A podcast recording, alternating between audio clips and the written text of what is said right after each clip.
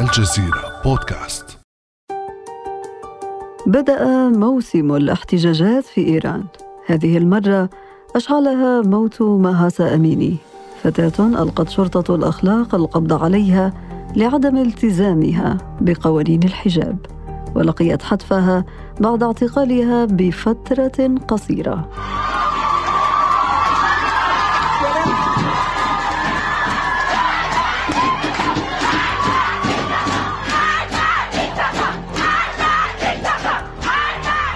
حراك يحمل طابعا فريدا. تعجو به الشوارع والمحافظات. مقاطع قص الشعر وحرق الحجاب تنتشر كالنار في الهشيم على منصات التواصل الاجتماعي. وجعلت البعض يرى أن ما يحدث حراك ضد الحجاب. والبعض الآخر يراه انتفاضة ضد استخدام الدولة للدين. فهل هي ثورة ضد الحجاب فعلا؟ وما الذي حدث منذ موت الشابه مهسا أميني؟ وكيف يتفاعل الإيرانيون ساسة وأفرادا مع هذا الحراك؟ وما تداعيات هذه الاحتجاجات على النظام الإيراني. بعد أمس من الجزيرة بودكاست أنا امال العريسي.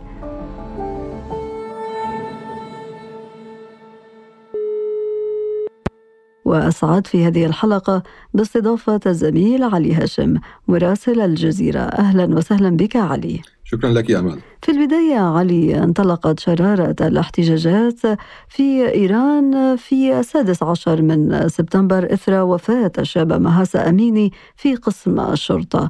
ما الروايات المختلفة لسبب موت هذه الشابة؟ يعني في المبدأ هناك يعني كالعادة هناك أكثر من رواية. الرواية الرسمية تتحدث عن آه، توقيف الفتاة والتي يعني ليست من طهران هي من خارج العاصمة من منطقة كردستان وكانت في رفقة آه، أهلها في العاصمة بسبب ارتدائها الحجاب بشكل غير آه، مناسب أو لائق. بعد ذلك أخذت إلى مركز الشرطة ولكنها سقطت على الأرض وأظهرت صور المراقبة في مركز الشرطة تقدمها باتجاه إحدى المسؤولات ومن ثم حديثها معها للحظات ووقوعها. هذه الرواية الرسمية إلى الآن. أما الروايات الأخرى هناك رواية تحدث عنها شقيق مهسا بشكل عام العائلة تبنتها وهي أنها ألقي القبض عليها ومن ثم أخذت إلى مركز الشرطة ولاحقا طلب منها أن تأتي إلى إلى المركز من أجل يعني في العادة يعني يتم نوع من التحقيق ويطلب منهن عادة أن أن يقمن ببعض الأعمال مثل قراءة كتاب مثل ربما تغريم بمبلغ معين. سابقا ربما كانت الأمور أكثر من ذلك. لكن خلال السنوات الماضية كانت قد بدأت تتراجع حدة المواجهة بين السلطة وبين اللواتي لا يرتدين الحجاب بالشكل الذي تطلبه السلطة. إذا وهناك طبعا المسألة الكبرى التي أوصلت الأمور إلى الاحتجاج وإلى خروج الناس وهي الكلام عن أنها تعرضت للتعذيب في مركز الشرطة واستدل على ذلك البعض بظهور نقاط من الدماء على أذنها في الصورة الشهيرة التي آه، وضعت لها. طبعا الفتاة ذهبت في كوما في غيبوبة والصور التي بدأت تخرج حينها يعني هناك صورة أو صورتين آه، ظهرتا. أظهرت بعض الدماء على أذنها حينها قيل بأنها أنها تعرضت للتعذيب بشكل كبير. حتى الآن ليس هناك من رواية متكاملة. حتى يعني مسؤولين في النظام الإسلامي في إيران يطالبون الدولة بإعطاء رواية كاملة سردية كاملة لما حصل. وفي المقابل أيضا يعني هناك بعض الثغرات التي لا تزال يعني تغطي هذا المشهد لا سيما فكرة أنها يعني أمام الكاميرات ظهرت وهي تقف ومن ثم تتقدم بشكل طبيعي لم يبدو عليها أنها يعني في حالة سيئة. آه، إلى باتجاه إحدى المحققات أو المسؤولات ومن ثم سقطت. هنا يعني فقط للإشارة بعض المسؤولين في الجمهورية الإسلامية الإيرانية يقولون إن مهسا كانت قد تعرضت سابقا يعني في صغرها أو لعملية في الدماغ. لكن كل هذه تبقى خارج إطار السرديات الرسمية كلها مقولات. إذا هناك روايات عديدة ومعظمها متباين كما ذكرت علي. في الأثناء الشارع الإيراني ما يزال مشتعلا رغم أن هناك مصادر تقول أن الاحتجاجات تراجعت بعض الشيء وأصوات أخرى تقول بأن هذا الحراك ما زال مستمرا ويتوسع في محافظات إيرانية أخرى. فما حقيقة ما يحدث في الشارع الإيراني اليوم علي؟ المشكلة اليوم في الشارع الإيراني يعني ليست في عدد المتظاهرين. واقعا قد تكون هناك تظاهرات يعني فيها أعداد معينة. آه، قد طبعا الانتشار كبير هنا المسألة الرئيسية أن هذه التظاهرات منتشرة في تقريبا معظم المحافظات. اليوم تدخل إلى حرم الجامعة في كل الجامعات تقريبا هناك تحركات. ولذلك يعني مسألة العودة إلى الجامعة كانت محدودة بشكل أو بآخر. آه، المسألة الثالثة عمق هذا التحرك. قد تكون التجمعات مثلا تأتي بالمئات أو العشرات أحيانا وربما أكثر من ذلك. يعني لا نستطيع أن نحكم آه، بشكل عام. لكن نوعية الأشخاص الذين يتظاهرون أولا الجيل الصغير آه، أو ما يعرف بجيل زي هؤلاء الذين ولدوا بعد الألفية هؤلاء ينزلون إلى الشوارع. لديهم غضب كبير غضب عارم يعني هذا هذا النوع من التظاهر لدى ربما هي التجربة الأولى لديهم تحديدا في المدن الكبرى. الطرف الآخر الذي أيضا نراه يدعم هذا التحرك هم يعني هناك طبقة من المثقفين، طبعا نتحدث نحن الآن عن فئات ضمن المجتمع الإيراني ونتحدث عن كل المجتمع الإيراني لأنه لابد من من ال يعني ال الفصل هنا. هناك لا شك مجموعة من داخل المجتمع الإيراني وهي وازنة تؤيد النظام لديها التزام ديني يعتبرون مدينين ملتزمين بولاية الفقيه. وحتى البعض ممن ليس متدينا هو كذلك. في المقابل هناك بعض المتدينين ممن يدعمون هذه الاحتجاجات. المسألة هناك فيها انقسام أيضا. يعني آه، في هذه الحالة كيف آه، ترى تفاعل الأطراف السياسية آه، في إيران مع هذه الاحتجاجات التي وصفتها بأنها أعمق مما هو ظاهر اليوم بعد وفاة شاب أميني؟ واقع الأمر أن آه، طريقة التفاعل بدأت متباينة لكنها الآن يبدو أنها تأخذ شكلا متسقا، كان لافتا خلال الأيام الماضية حديث القائد الأعلى الإيراني آية الله علي خامنئي ووضعه هذه التظاهرات بالكامل في سلة المؤامرة وهناك محاولة خارجية للضغط على إيران من خلال طبعا هذه الأدوات، لكنه أيضا يعني حاول أن يرسم خطا رفيعا ما بين هذه التظاهرات وما بين فكرة الحجاب حيث أنه قال أن المشكلة ليست في الحجاب وهناك كثر ممن لا يرتدون الحجاب بشكل جيد يؤيدون الجمهورية الإسلامية أو يؤيدون سياستها. اذا هو حاول أن يضع المسألة في بهذا الشكل. اللافت أيضا كان التصريح الذي خرج على لسان حسن الخميني، وحسن الخميني أقرب إلى التيار الإصلاحي. أيضا مجددا كانت هناك دعوة لإخراج الاحتجاج أو إخراج آه، ما يحدث من سياق إطاحة النظام أو يعني حاول أن يرسم هذه أيضا هذا الخط الرفيع ما بين ما يحدث وما بين الداخل. بشكل عام الأصوات الأخرى تحديدا من الداخل كلها كانت نتحدث سياسيا كلها كانت ملتفة حول النظام. لكن المسألة كانت أيضا في الصوت الذي يأتي من الخارج. هذا الصوت الذي يأتي من الخارج وأيضا من المعارضة الداخلية لأنه الآن تذكرت أيضا مير حسين موسوي الذي كان رئيسا للوزراء سابقا وقائدا للحركة الخضراء صدر بيانا واضحا ودعا للوقوف إلى جانب الشعب. هناك صورة إذا من هم مع النظام؟ هم مع النظام لكن من هم في الطرف الآخر؟ تبنوا التظاهرات في الشارع أرادوا أيضا أن يعطوها زخما لكن لا يبدو حتى بأن هؤلاء الشبان في الشارع يأبهون. هم لا يأبهون من بالأصل لا للنظام لأنهم لأن هناك فجوة بينهم وبينه وهم لا يأبهون للمعارضة لأنهم لا يثقون بها. وهذا يقودنا إلى التساؤل عن هذه الرمزية. رمزية خلع الحجاب وارتداء في هذه الاحتجاجات ورمزية قص الفتيات للشعر. وهذا أيضا يدفعنا للتساؤل عن طريقة تعامل السلطات مع ارتداء الحجاب في الفضاء العام. أمل الحجاب كان هوية للثورة الإسلامية. يعني عندما انتصرت الثورة بشقها الإسلامي بشكل عام يعني عندما صار هناك نظام إسلامي وصار هناك نظام ولايه فقيه يعني تحولت مسألة الحجاب إلى عنوان وكانت مسألة جدلية منذ 79 وحتى إقرار الحجاب بشكل رسمي بعدها بسنوات قليلة.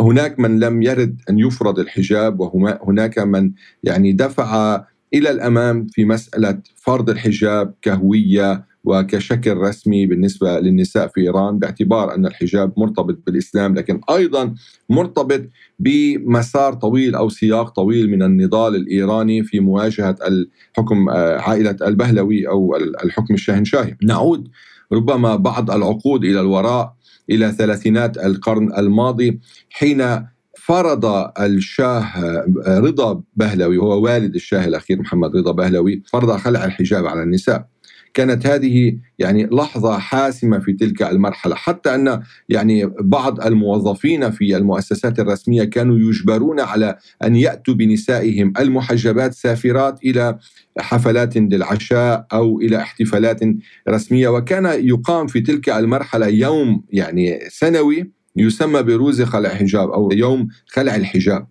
اذا هذه النقطة كانت يعني محددا رئيسيا في مسألة التفكير بمسألة الحجاب لأنها يعني اعتبرت آه، ردا على تلك السنوات كلها وتلك العقود كلها. تماما كما أننا نرى بأن السياسيين الإيرانيين لا يرتدون ربطات العنق ولا يرتدون القبعات، هذا الأمر مرتبط أيضا بمرحلة معينة كان يعمد فيها الشاه الأب رضا بهلوي إلى فرض ثقافة غربية على المجتمع الإيراني من قبيل فرض ربطات العنق وفرض القبعات وكانت هناك قبعة خاصة تسمى بالقبعة البهلوية. يعني آه، ترتدى في في الأماكن العامة وفي المؤسسات الرسمية. هذه المرحلة أسست لما عرف لاحقا ب يعني آه، نظرية التعلل أو الاعتلال بالغرب. باعتبار أن هناك فيلسوف إيراني اسمه أحمد فرديد طرح هذه الفكرة. أصل لها لاحقا في كتاب آه، الروائي الإيراني المعروف جلال الأحمد.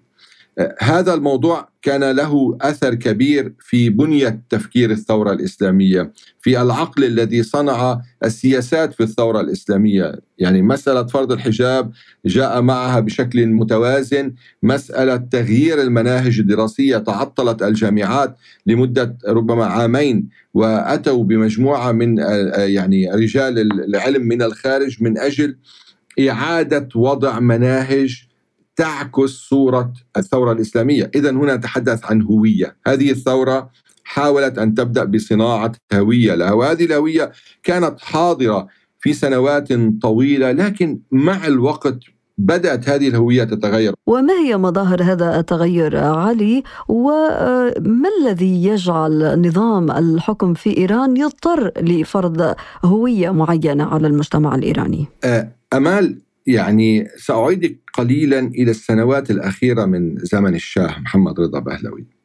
آه، هناك صحفية أمريكية كانت تعمل لنيويورك تايمز وذهبت إلى وزيرة شؤون المرأة مهناز أفخم في في طهران لتسألها عن ظاهرة تبدو يعني غريبة في الشارع الإيراني في ظل نظام آه، يعني علماني نظام الشاهنشاه كان علماني. آه هذه الظاهرة هي ظاهرة انتشار الحجاب بين النساء ولم يكن الحجاب مفروضا في ذلك الوقت.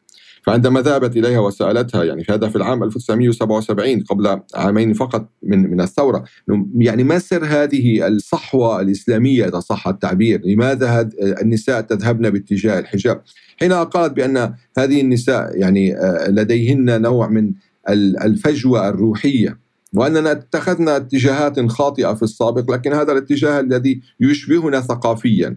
المسألة كانت أكبر من ذلك. كان هناك حالة تصنعها مجموعة من من النخب الإيرانية الإسلامية في في مرحلة السبعينات من أواسط السبعينات وحتى نهاية السبعينات. دفعت النساء ودفعت الفتيات لتبني آه، الحجاب. طبعا لا نتحدث عن الجميع لأنه هناك تيارات أخرى كانت في إيران تيارات يسارية تيارات قومية إلى آخره. إذا ما بعد الثورة هذا الأمر لم يكن يعني مسألة لأقول مستفزة للجميع لكنه طبعا دفع بالكثير من النساء إلى النزول إلى الشارع، كانت هناك تظاهرات ضد فرض الحجاب. وكان هناك مجموعة من النخب التي تحدثت حتى رجال الدين آية الله محمود طلقاني وهو أحد رجال الدين المعروفين في الثورة الإيرانية. هذا يعني قال بشكل واضح أن الحجاب لا يجب أن يفرض.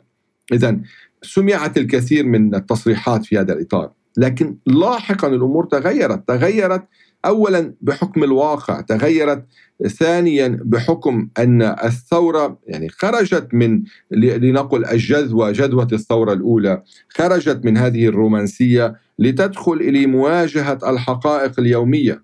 هذا الأمر بدأ يصنع شرخا بين جزء من المجتمع وبين النظام. نتحدث عن الجميع. طبعا هناك نساء محجبات في إيران تذهبين إلى آه، المدن الإيرانية. سترين بحسب يعني لنقل بين الجنوب والشمال في كل مدينة هناك فرق. وستري ذلك بعينك. آه، لكن في نهاية المطاف هناك فئة من الشعب الإيراني يعني لا لا لا يعتبرن الحجاب معبرا عنهن.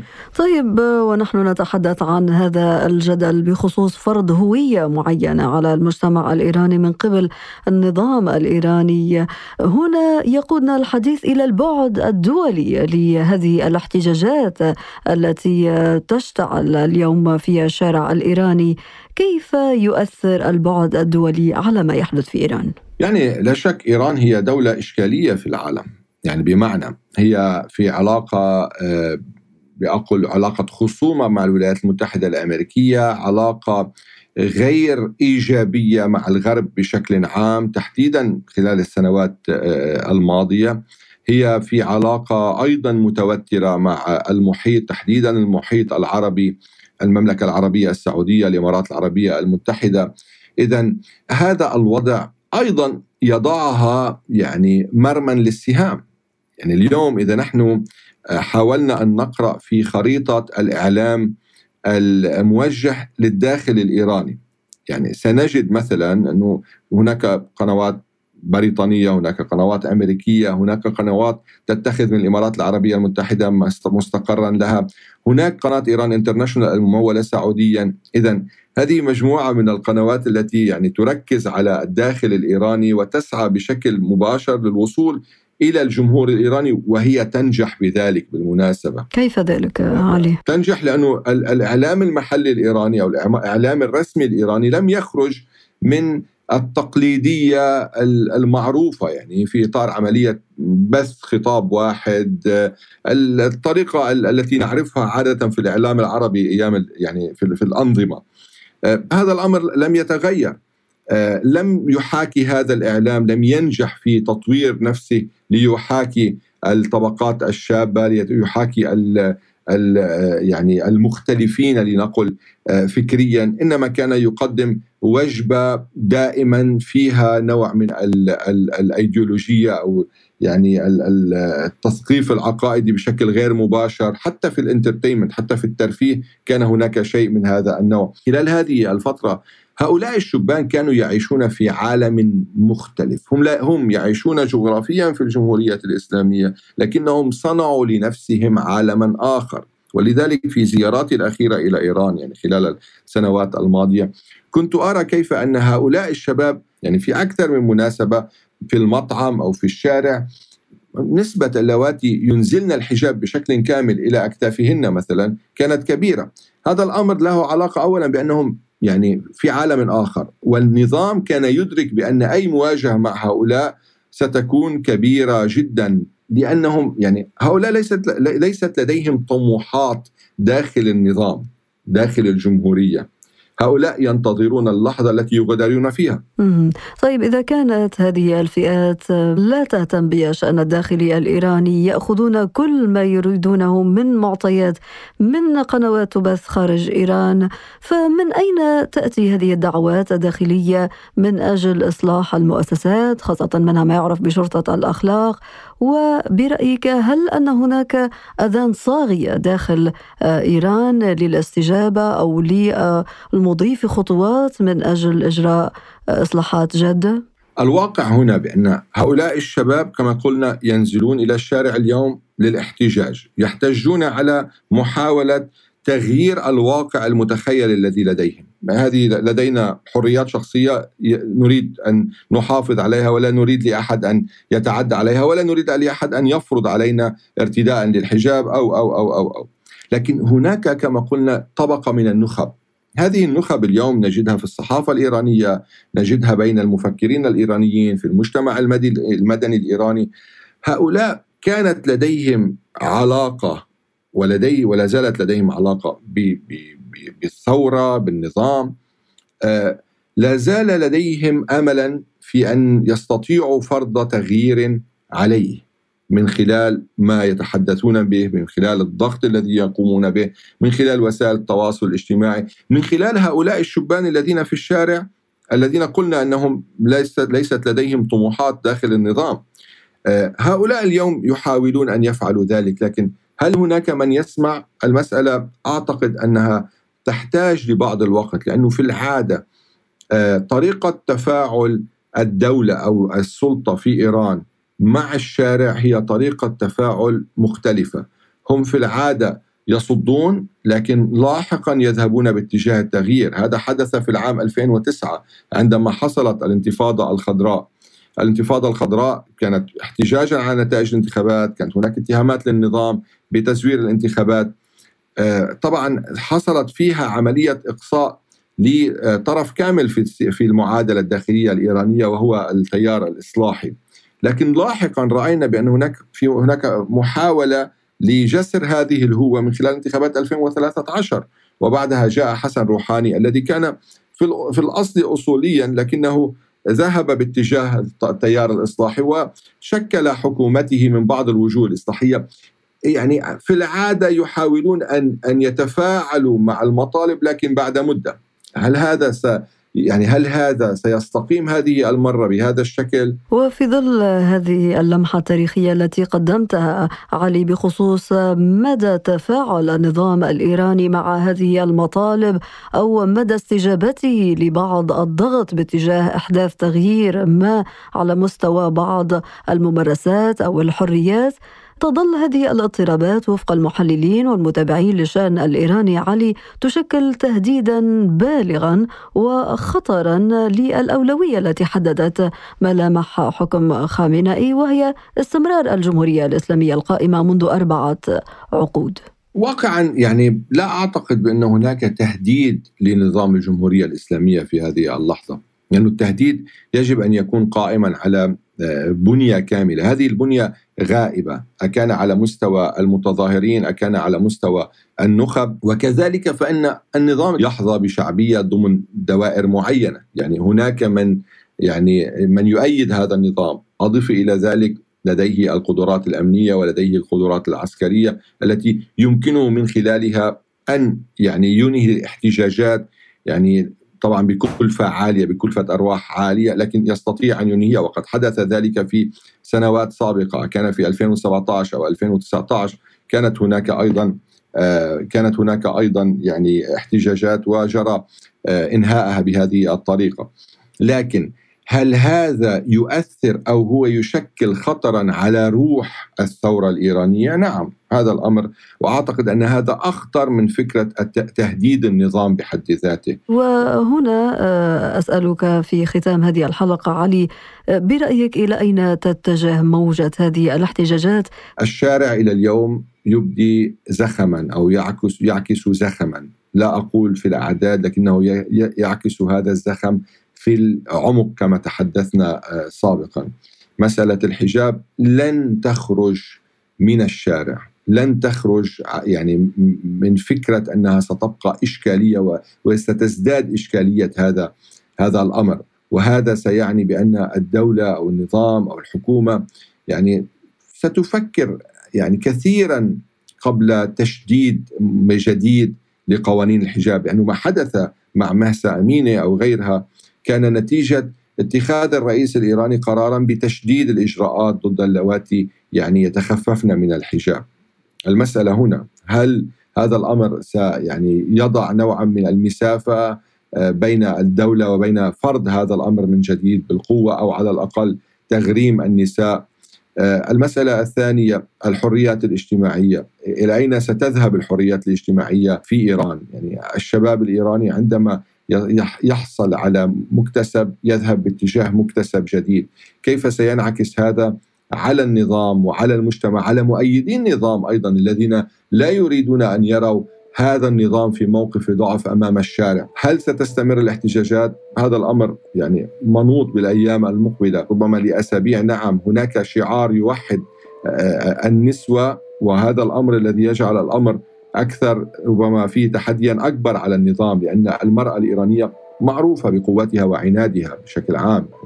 آه، اليوم الشعار هو امراه حرية حياة. هذا الشعار يعني أن كثر سيبقون تحت هذه البوتقة أو تحت هذه المظلة لكن كم المدة؟ لا نعرف. أسئلة كثيرة ونقاط استفهام كبيرة ما زالت مطروحة بشأن الوضع الداخلي الإيراني على ضوء هذه الاحتجاجات فيما تظل الضغوط الدولية تفرض أيضا ربما متغيرات جديدة على هذا المشهد. الزميل علي هاشم مراسل الجزيرة شكرا جزيلا لك. شكرا لك يا أمال شكرا جزيلا. كان هذا بعد أمس.